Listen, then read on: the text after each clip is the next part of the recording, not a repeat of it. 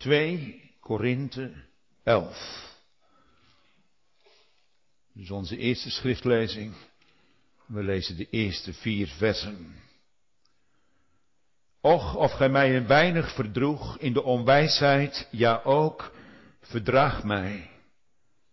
Want ik ben ijverig over u met een ijver gods, want ik heb u lieden toebereid om u als een reine maagd aan één man voor te stellen, namelijk aan Christus. Doch ik vrees dat niet enigszins gelijk de slang Eva door haar arglistigheid bedrogen heeft, alzo uw zinnen bedorven worden om af te wijken van de eenvoudigheid die in Christus is. Want indien degene die komt een andere Jezus predikte, die wij niet gepredikt hebben, of indien gij een andere geest ontving, die gij niet hebt ontvangen, of een andere evangelie, dat gij niet hebt aangenomen, zo verdroeg gij hem met recht. We gaan naar de tweede schriftlezing, naar Galaten 3. En we lezen met elkaar de eerste zeven versen. O gij uitzinnige gelaten, wie heeft u betoverd dat ge de waarheid niet zou gehoorzaam zijn, de welke Jezus Christus voor de ogen tevoren geschilderd is geweest onder u gekruisigd zijnde? Dit alleen wil ik van u leren. Heb gij de geest ontvangen uit de werken der wet of uit de prediking des geloofs? Zijt gij zo uitzinnig, dat ge met de geest begonnen hebt, voleindigt gij nu met het vlees? Heb gij zoveel te vergeefs geleden? Indien maar ook te vergeefs? en die u dan de geest verleent en krachten onder u werkt, doet hij dat uit de werken der wet of uit de prediking van het geloof? Gelijkerwijs Abraham God geloofd heeft en het is hem tot rechtvaardigheid gerekend. Zo verstaat gij dan dat degenen die uit het geloof zijn, Abrahams kinderen zijn. eerste vers is de kerntekst van vanavond, gemeente, gelaten 3, vers 1. O gij uitzinnige gelaten, die heeft u betoverd dat gij de waarheid niet zou gehoorzaam zijn, de welke Jezus Christus voor de ogen tevoren geschilderd is geweest, onder u gekruisigd zijn. Drie gedachten. De eerste gedachte is prediken. De tweede gedachte is horen en de derde gedachte is gehoorzamen. Prediken, horen en gehoorzamen. Als er eens een dominee in Veenendaal zou komen en die zou u aanspreken als uitzinnig, uitzinnige Veenendalers, wie heeft jullie betoverd? Misschien gebeurt er dan wel iets vanavond in de bank. Dat u denkt, dominee, wie bedoelt u eigenlijk? Want in de kerk wordt toch niet getoverd? Dat zoeken we natuurlijk buiten de kerk. En dat zoeken we in allerlei sectarische groepen misschien wel, maar toch niet in de christelijke gemeente van Veendaal. Paulus spreekt de gemeente zo aan. En ik doe het vanavond ook, in navolging van Paulus. O gij uitzinnige Veenendalers, wie heeft jullie betoverd? Waarin bestaat dan die betovering, dominee? Nou, jullie zijn niet gehoorzaam geweest. Waaraan niet? Aan het evangelie. Het lijkt erop dat ik te vergeef, zegt Paulus, Christus voor jullie ogen hebt geschilderd. Want jullie zijn wel goed begonnen, maar slecht geëindigd. Nou, dat is best een hele boodschap vanavond als je, als je dat zomaar te horen krijgt. Wie de schoen past vanavond, die trekt hem aan, toch? En zeg niet te snel vanavond, dat geldt niet voor mij. Want weet u, het gaat notabene over avondmaalgangers. En avondmaalgangsters. Kan dat, dat die betoverd worden? Ja, juist zij zijn betoverd in gelaten. Er zijn namelijk dominees gekomen in de, in de gemeente, die waren van Jacobus. En die dominees die predikten Christus wel, maar ze zeiden er moet nog wel iets bij. Als je werkelijk, als je werkelijk roemt in de genade, dan moet je ook jezelf wel laten overdopen. Laten we dat zo dan maar zeggen. En die twee bij elkaar, die maken jullie tot een christen. En als Paulus dit te horen krijgt, dan wordt Paulus heilig verontwaardigd. En hij zegt, jullie zijn betoverd. Want jullie zijn ongehoorzaam aan het evangelie van onze Heer Jezus Christus. Nou, ik ben wel benieuwd vanavond wat voor een evangelie dan Paulus gepredikt heeft. Wat heeft hij dan gedaan? Nou, hij heeft Christus voor de ogen van de gemeente geschilderd. En nu moet u goed luisteren, want dat stemt u natuurlijk ook van harte toe. Maar Paulus legt een bepaald accent in de tekst en hij zegt, ik heb de gekruisigde gepredikt. Ik heb hem jullie voor de ogen geschilderd, Christus de gekruisigde. En gemeente, probeer even na te denken, jonge mensen, waar denken wij dan aan, aan de gekruisigde? Misschien denkt u wel, hij voor mij, dat ik anders de eeuwige dood had moeten sterven. Ja, u hebt gelijk. Maar ik geloof dat het kruis in de Bijbel, dat is meer dan alleen maar hij voor mij. Dat ik anders de eeuwige dood had moeten sterven. Ik geloof op grond ook van de gelaten brief dat de gekruisigde iets meer inhoudt dan alleen dat Christus voor mij gekruisigd is. Even goed nadenken hè, vanavond in de preek. Want door onkunde kun je zomaar betoverd worden en misleid worden. Maar gekruisigd houdt meer in dan alleen maar plaatsvervanging. Paulus noemt niet voor niets de gekruisigde als het middelpunt van zijn prediking. Gelooft u dat gemeente, dat Christus dood mijn dood is? Gelooft u ook waar Christus gekruisigd werd, dat ik daar ook met hem gekruisigd werd? Gelooft u dat? Hij heeft niet alleen iets voor mij gedaan, maar hij heeft ook iets in mij gedaan. En wat heeft hij dan gedaan, jongens en meiden? Hij heeft mij gedood. Nou, dat is wat anders hè, dan dat gepolijste kruisje op je borst. Wat zo mooi glinstert in het zonlicht, maar het kruis, het kruis dat predikt mijn dood. Dat vind je helemaal niet zo leuk als je in de kerk zit vanavond. Je gaat liever samen op weg. Misschien bent u wel van de weg, van de weg af omdat u altijd heimelijk gedacht hebt, hij wat en ik ook wat. En dan doen we het toch samen. Want welke vriend is onze Jezus? We doen het samen.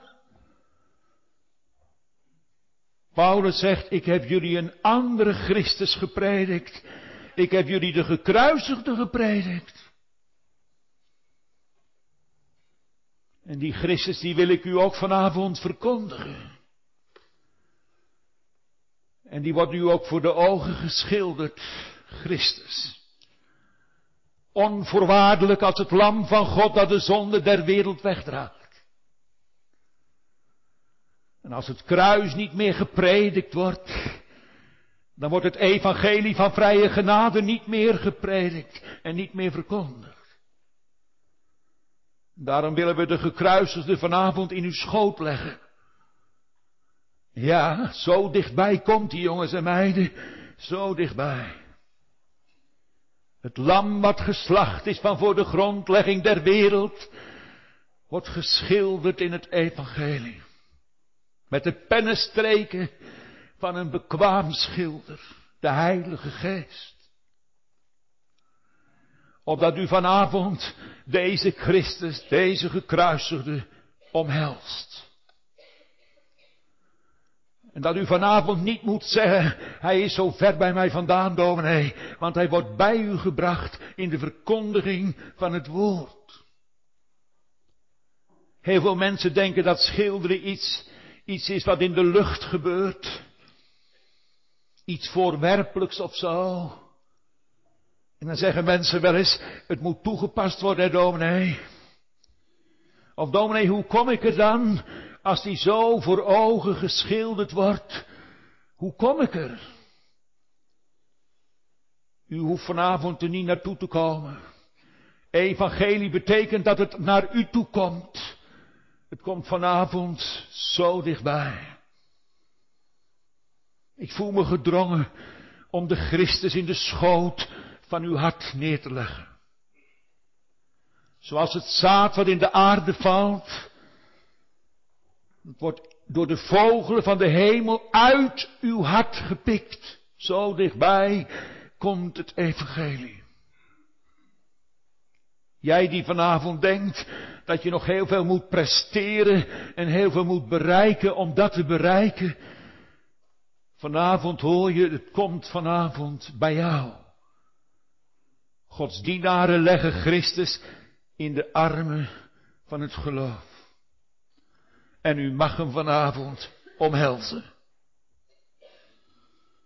En u wordt zelfs ernstig opgeroepen om de zoon te kussen. Om hem met een eenvoudig geloof te omhelzen. En een ieder die dat doet, die is behouden diens zonden zijn vergeven. Die is een kind van God. En die heeft het eeuwige leven. Onze Heidelberger noemt dit de sleutelen van het hemelrijk. Dat gebeurt ook vanavond. Niet alleen Christus wordt aangeboden, aan zondaren en aan goddelozen. Maar Gods dienaren moeten ook de sleutel van het hemelrijk hanteren. En moeten de gemeente aanzeggen dat een ieder die in de gekruisende Christus gelooft, die is behouden. Dat moet verkondigd worden. Misschien zit u te wachten op een briefje uit de hemel. Dat komt nooit. Het gebeurt vanavond hier in de kerkzaal. Daar klinken de beloften van het evangelie. Voor mensen die de eeuwige dood verdiend hebben. Zeg vanavond niet, ik ben een te groot zondaar. Zeg vanavond niet, dominee, u moest eens weten wat ik op mijn kerststok heb.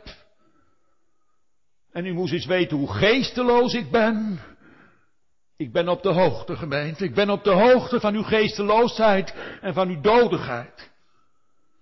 Maar u wordt verkondigd de gekruisigde. Dat is prediken. Ik merk dat heel veel mensen denken dat ze zich in moeten spannen om Christus te zoeken. Maar u hoeft Christus niet te zoeken. Dat is remonstrans. Christus wordt bij u gebracht in de prediking van het woord. Hij ligt binnen handbereik. Ook binnen jouw handbereik.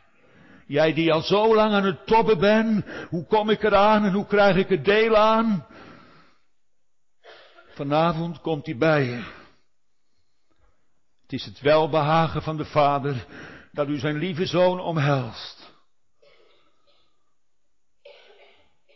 Ik wil het even zwart-wit maken, want ik weet hoe verdorven dat u bent, maar al kleven uw handen van bloed.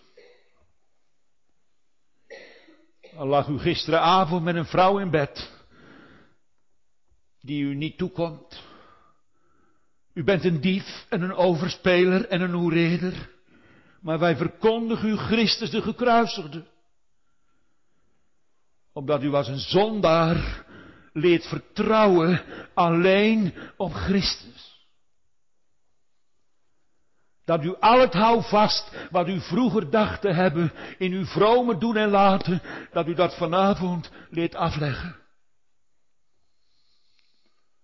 Wat een groot wonder, jonge mensen, als u zo vanavond Christus mag omhelzen. Dat je enigermate, enigermate zeker mag zijn. Dat hij niet alleen voor anderen, maar ook voor mij daar aan het hout wilde hangen. Dat hij al mijn overspel, mijn hoererij en mijn echtbreuk en mijn godlastering op zich wilde nemen. Ik zie hem als het ware hangen daar aan het hout tussen hemel en aarde, Christus het lam van God. Wat de zonde der wereld wegneemt.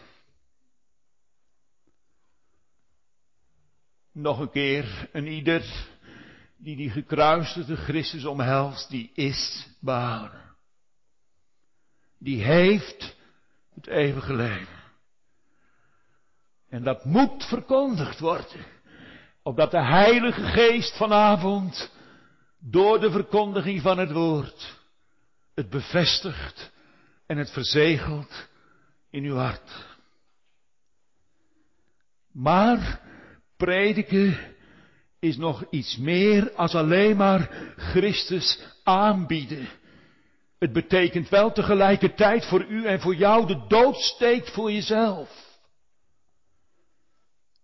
Want lieve vriend en lieve vriendin, als het Christus alleen is, dan moet jij sterven.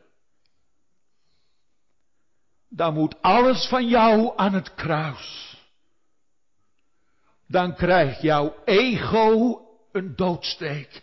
Ook die vrome ego, die vrome, die zo netjes aan de buitenkant zegt met de rijke jongeling, ik heb alles gedaan wat u bevolen hebt. Hij moet aan het kruis.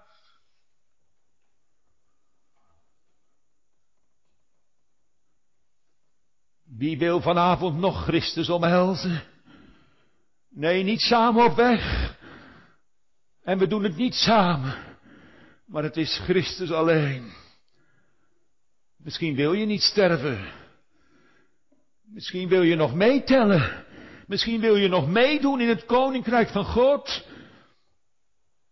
Onbewust soms. Soms heel oprecht. Dat je denkt, kon ik maar bidden. Was ik maar wat serieuzer. Was ik maar wat godzaliger. En zo hebt u misschien nog veel meer van zulke argumenten. Maar u moet sterven. Alles van u moet in de dood. Dat is wat. Dat wil ik helemaal niet. Ik wil graag nog meedoen. Ja toch? Paulus zegt in Galaten 2 vers 20. Ik ben door de wet aan de wet gestorven. Opdat ik goden leven zou. Begrijpt u dat, kerkraad? Begrijpt u wat dat betekent, gemeente? Ik ben door de wet aan de wet gestorven. De fariseer, de fariseer leert iets heel anders. Die zeggen, ik ben door de wet gaan leven. Opdat ik goden zou leven. Maar Paulus zegt het precies andersom. Hij zegt, toen ik gestorven was, toen ik met Christus gekruisigd was, toen leefde ik goden. Ik bedoel het echt heel eerbiedig, om het u duidelijk te maken. Want anders zijn het van die platgetreden paadjes, weet u wel. Maar Paulus zegt eigenlijk, wanneer ga ik goden leven? Nou komt het. Even een heel erge uitspraak, wanneer ik een lijk ben. Nee toch? Hoe kun je nou voor God leven, dominee, als je gestorven bent? Als al je activiteiten, al je activiteiten, die vrome activiteiten, in de dood geëindigd zijn. Hoe kun je dan goden leven? Ik voel het wel hoor, want er valt een scheiding hè, vanavond. Dat voelt u ook. U wil nog zo graag leven. Misschien wel goden leven.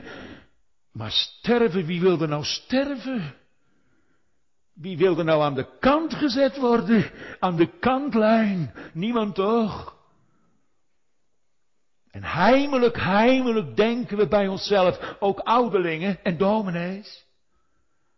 Wanneer ik een beetje leeft en een beetje opbloeit en een beetje gemoedelijk ben, dan is het aangenaam voor God. Nee, zegt Paulus, integendeel, wanneer je gestorven bent, dat hoort ook bij het kruis. Het spijt me.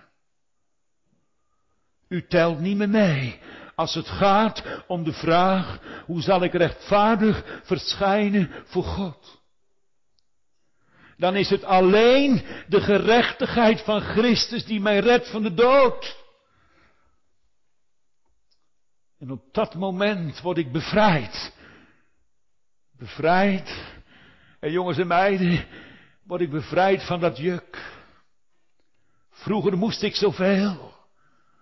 En ik moest dit nalaten en ik moest dat doen en de geestel ging er overheen, maar het lukte niet. Maar toen ik met Christus door het geloof gekruisigd ben, toen ben ik bevrijd van die slavendrijver. Want die slavendrijver, wat moet hij nou met een lijk? Wat moet hij met een dode? Je kan een dode toch niet opwekken om de geboden van God te houden. Ik ben gestorven, zegt Paulus. Wat een bevrijding vanavond voor hen die misschien wel zuchten, zuchten onder dat juk. En die altijd gedacht hebben, ik moet, ik moet vorderen, ik moet vooruit. En nou hoor ik vanavond, dat Christus de gekruisigde mij gepredikt wordt. En dat ik, ik niks meer moet. Ik moet niks meer. En dan springen de banden, die springen van mij af. En dan word ik gezet in de vrijheid die er is in Christus Jezus. Dan eist, dan eist God van mij helemaal niks meer. Dominee, u zet de deur open voor het antionisme van mensen die zeggen we hebben niks meer met de wet te doen. En dat ze zeggen we zijn bevrijd van de wet. En als je naar die mensen gaat kijken, dan misbruiken ze de vrijheid in het vlees. Ze zeggen we zijn vrij, vrij van de wet. En waarom vrij? Om je vlees uit te leven. Nee, zegt Paulus, dan heb je er nog weinig van begrepen. Want die vrijheid, die is er om in vrijheid met God door de Heilige Geest te wandelen. Want mijn vriend en mijn vriendin, toen jij de adem uitblies, toen ontving je, zegt Paulus in onze tekst, de Heilige Geest. En die kwam in jou wonen. Dat is wat. Daarom kan Paulus zeggen, ik leef niet meer.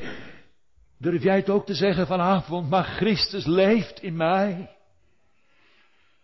En dat de Heilige Geest mij gegeven is door het horen van het woord. Nee, niet toen ik ging presteren. Niet toen ik naar de wet van God probeerde te wandelen. Zo heb ik de Heilige Geest niet ontvangen, zegt Paulus. Maar ik heb hem ontvangen door het horen van het woord. Ik vraag u vanavond als dienaar van Christus.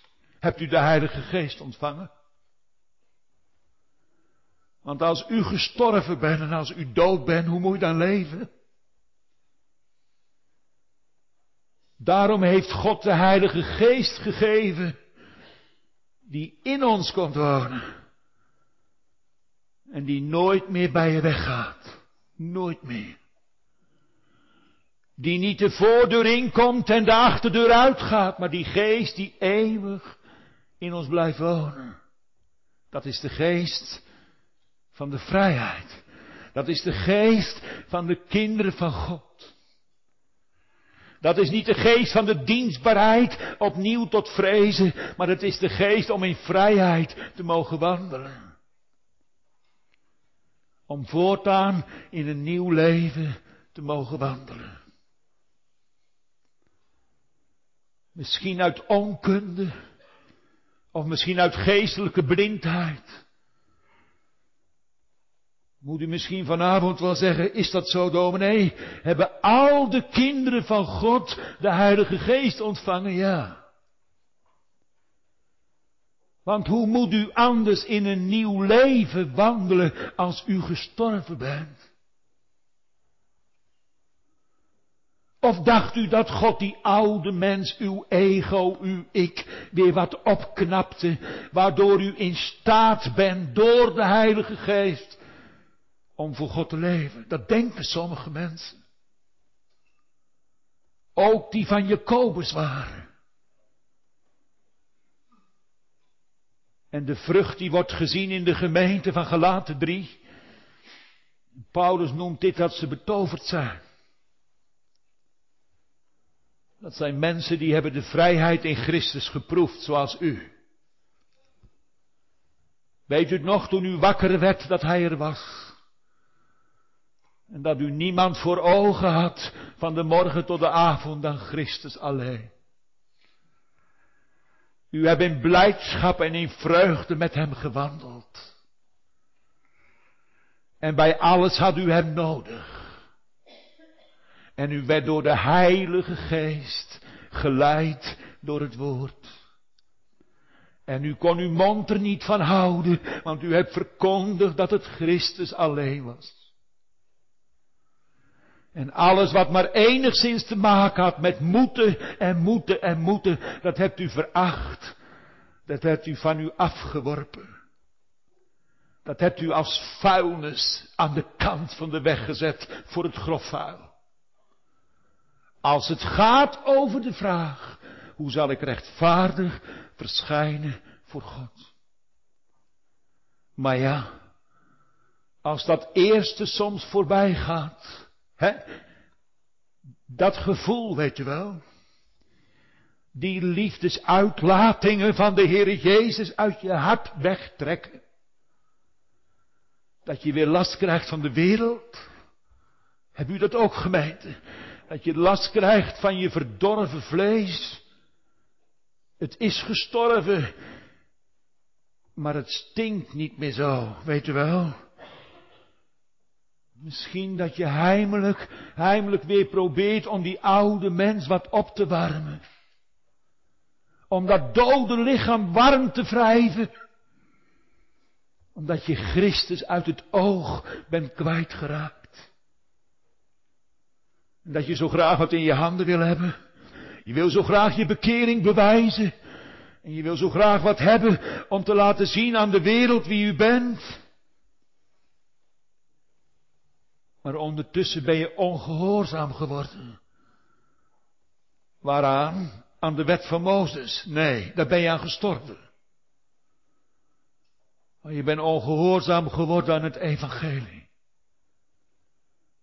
Je hebt je eigen laten verleiden, zoals Eva zich liet verleiden door de slang. En je bent de eenvoudigheid, dat kinderlijke, weet u nog, bent u kwijtgeraakt. Dat eenvoudige wat op God vertrouwde voor een kopje koffie, weet u nog, en voor een tarweboterham. Dat het in uw hart was en in uw leven, zonder mij kunt gij niets doen. Nou zit je vanavond in de kerk. En je voelt je niet meer bevrijd. Je bent voor je gevoel de bevrijding kwijt. En je ervaart alles als een juk wat op je schouders wordt gelegd. En het lukt gewoon niet. En misschien maken sommigen hier wijs dat het na ontvangen genade nu toch onderhand wel eens een keer moet lukken. En dat je misschien wel bidt om de Heilige Geest, doordat hij je helpen wil. Helpen wil. Waarom? Om dat dode lijk warm te wrijven. Ik zal nog met een beeld proberen. Het schiet vast te kort, maar ik doe het toch. Met een beeld proberen hoe het werkt in het koninkrijk van God volgens gelaten 3. Ik heb het beeld vaak wel eens gebruikt van een huisgemeente wat verkocht wordt. Op één voorwaarde. Dat de oude bewoner in het huis mag blijven wonen. Totdat hij echt afgestorven is. Op die voorwaarde werd het huis gekocht. Door de Heilige Geest. En ben je niet meer van jezelf. Maar de eigenaar is de Heilige Geest. Je bent een nieuw schepsel geworden. Ja. In Christus. Door de Heilige Geest. Ja. Je bent niet meer van jezelf. En het is ook niet meer van je oude mens. Je bent van een ander geworden. Maar die oude mens die woont nog op de zolderkamer. En daar zit hij opgesloten. Aan de binnenkant zit geen sleutel. Aan de buitenkant zit wel een sleutel. En wat doen vele kinderen van God ook na ontvangen genade?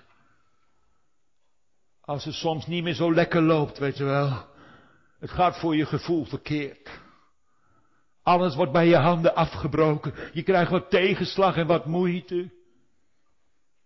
Dan ga je soms stiekem, stiekem s'avonds naar je zolderkamer.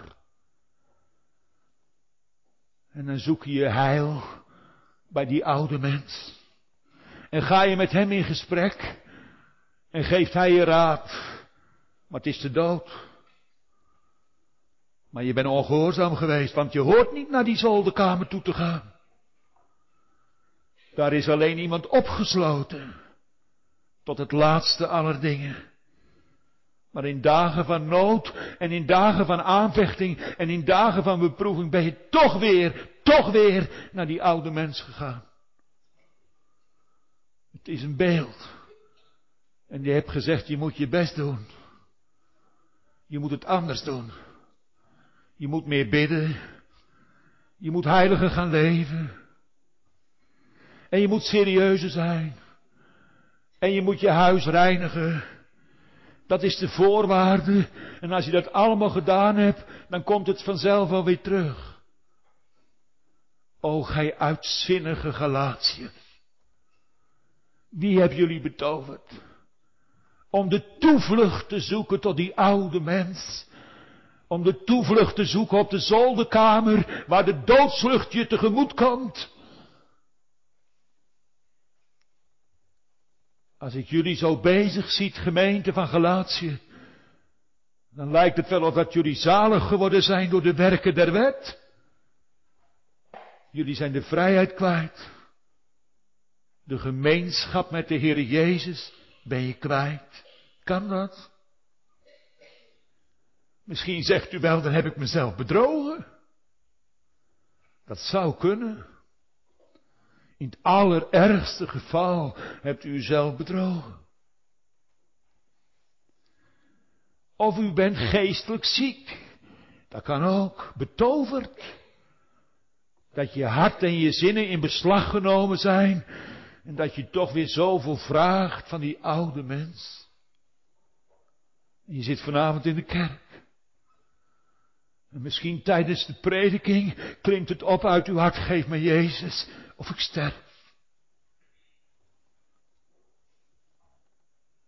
We gaan vanavond ons verootmoedigen voor God. Dat we zulke oud-testamentische christenen zijn, zulke wettische christenen. Die zo weinig genieten van de vrijheid in Christus. Waar zo weinig groei is, zo weinig opwas is in de kennis van onze Heer Jezus Christus. Die allemaal een beetje scheel kijken, weet je wel. Met één oog naar Mozes en met één oog naar Jezus. En dan doen we het samen. Nee, zegt Paulus, zo niet. Zo heb ik het jullie niet geleerd. Zo heb ik het jullie niet voor ogen geschilderd. Jullie zijn alleen rechtvaardig voor God geworden. Denk eens even terug. Aan vorig jaar, toen het gebeurde. Of drie jaar geleden. Toen je door het zien op Jezus rechtvaardig in de ogen van God mocht zijn. Alleen door het eenvoudig vertrouwen als een goddeloze bent u het vergeten. Waarom bent u dan teruggevallen? Waarom bent u dan zo'n christen zo voorwaardelijk? Voorwaardelijk, dit moet en dat mag niet. U bent natuurlijk doodsbang, zoals die man een poosje geleden op zijn sterfbed. Hij zei, dominee, ze bedriegen zich allemaal voor de eeuwigheid. Ik zeg, en jij dan? Hij zei, ja, maar ik heb niks. Ik ben eerlijk onbekeerd. Ik zeg, maar je gaat straks verloren. En je bent zo druk met een ander. En je vindt dat dat niet klopt en dat niet deugt. Misschien dat je vanavond zo in de kerk zit. Je ziet iedereen af te kraken. De kerk waarin je zit misschien wel. Maar het wordt vanavond tijd dat je jezelf afkraakt. Dat we leren buigen met elkaar onderaan het kruis. Omdat we niet tot eer van God leven. Dat we niet alleen leven uit het offer van onze Heer Jezus Christus. Van die lieve Heer Jezus. Die zijn leven en de troon en de kroon gegeven hebt om zondaren om niet zalig te maken. Niet om in krampachtigheid niet om bij de Sinaï te blijven leven, maar in vrijheid rond de berg Sion. Kom, ik neem u mee. Ik neem u mee naar de berg van het eeuwige leven. En daarboven op de berg is het bloed der verzoening, dat betere dingen spreekt dan het bloed van Abel. Het is het bloed van Jezus. En er is kracht, kracht in dat bloed. Al hebt u dan met veel boeleerders gebouleerd. Al bent u de vrijheid in Christus om eigen schuld kwijtgeraakt. Keer weder. Vanavond keer weder. O zondaar, o zondares. Misschien dat je vanavond opnieuw bekeerd moet worden. Dat er van al je heiligmaking niks terecht is gekomen. En dat God vanavond een dienaar stuurt om de zere plek in uw leven aan te wijzen. Kom, we buigen ons eerbiedig voor hem neer. En we beleiden met het avondmaalsformulier dat we midden in de dood liggen. En dat we het leven zoeken buiten onszelf, in Christus alleen. En al die vrome werken die we weer verzameld hebben en waar we ons houvast in proberen, hebben proberen te vinden.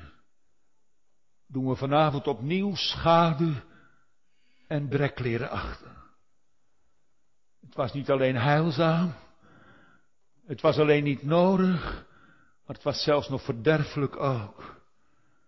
Misschien dat je vanavond een doodshoofd met een rood kruis moet schrijven op alles wat van jou is.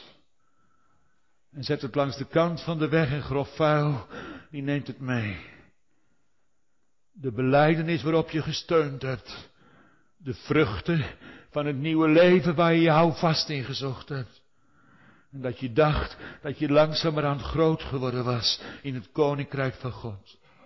Het moet vanavond aan de kant van de weg omdat we alleen zouden roemen vanavond in de heerlijkheid, mijn vrienden, van deze gezegende Emmanuel, Jezus Christus. Om aan zijn lippen te hangen in afhankelijkheid. Om met Maria, met Maria aan zijn voeten te zitten. Hey Martha, hé hey Martha vanavond, wat ben je toch bekommerd over vele dingen. Een kind van God. Net als Maria. Maar Martha dacht, het is luisteren en werken. Nee, zegt Jezus. Maria heeft het goede deel uitgekozen. Nee, dat betekent niet dat Maria een nieuw hartje had en Martha niet. Dat zeggen heel veel mensen. Maar dat is absoluut niet waar. Weet je wat het goede deel was? Ze hebben leren zitten aan de voeten van Emmanuel. Kom gemeente. Wie durft het? Wie durft zijn zaligheid daaraan te verbinden? Om met je armen over elkaar aan de gezegende voeten van de Heer Jezus te zitten en niets anders te doen dan te luisteren. Ik roem, ik roem in God, ik prijs het onfeilbaar woord, want ik heb het zelf vanavond uit zijn mond gehoord. Je bent rechtvaardig. Ik zie jou voortaan aan als een rechtvaardige. Door het geloof in Christus ben ik voor God rechtvaardig, heilig, volmaakt en wacht mij het eeuwige leven om straks te mogen zingen met mond en hart. Het was door u, door u alleen, om dat eeuwig welwagen. Zo gaan we naar huis. En volgende week zondag nemen we het brood in onze handen en de beker aan onze lippen. En we beleiden door de Heilige Geest dat hij een eeuwig verbond der genade met ons opgericht heeft. Alleen om Christus wil. Hem zij de glorie. Hem zij de heerlijkheid tot in eeuwigheid. Wacht even. We gaan nog niet naar huis. Want ik zie mensen zitten die denken, wat is dit voor taal? Waar gaat het over? Misschien dat je vanavond in de kerk zit. En misschien wel naar de kerk moest, of misschien uit fatsoen of zo. Maar het interesseert je eigenlijk helemaal niet. Hè? Misschien ben jij dat wel. Maar luister eens, als het jou niet interesseert, ik moet je even wat vertellen. Het interesseert God wel. God zie je daar zitten. En hij zie je daar liggen, dood in de zonde en dood in de misdaden. Het spijt me. Je bent in zonde ontvangen en geboren en je bent een kind van de toorn. Het spijt me. Maar God die rijk is in barmhartigheid. Is zijn lieve zoon gezonden naar het vloekhout op Golgotha. Hij wilde in jouw dood afdalen. Hij wilde zich laten doden daar aan het hout. En hij heeft knechten geroepen, ook vanavond, om de gekruisigde bij je te brengen. Omdat je geen poot hebt om op te staan en dat je geen voeten hebt om naar hem toe te gaan. Daarom heeft God zijn dienaar vanavond naar jou toegestuurd. En hij heeft hem in je schoot gelegd. De schoonste alle mensenkinderen. Hij is volmaakt. Hij is heilig. Hij is vol van gerechtigheid. En God heeft me hier naartoe gestuurd met het bevel, met het bevel van geloof en bekering. Gelooft zijn heil en troostrijk woord. Verhard je niet, maar laat je leiden. Wie durft het? Wie durft het? Kus de zoon, omdat hij binnen handbereik ligt. Twintig jaar gedacht dat het zo ver van je af was. Misschien wel vijftien jaar geprobeerd om op te klimmen naar de hemel. En vanavond gaan je ogen ineens open. Hij ligt in mijn schoot. Mag dat dominee? Mag ik hem omhelzen? Mag ik hem aan mijn hart drukken? De aangeboden Christus voor zondaren. En ieder die dat doet, Wilt u er nog wat bij horen? Door de Heilige Geest. Die is behouden. Amen.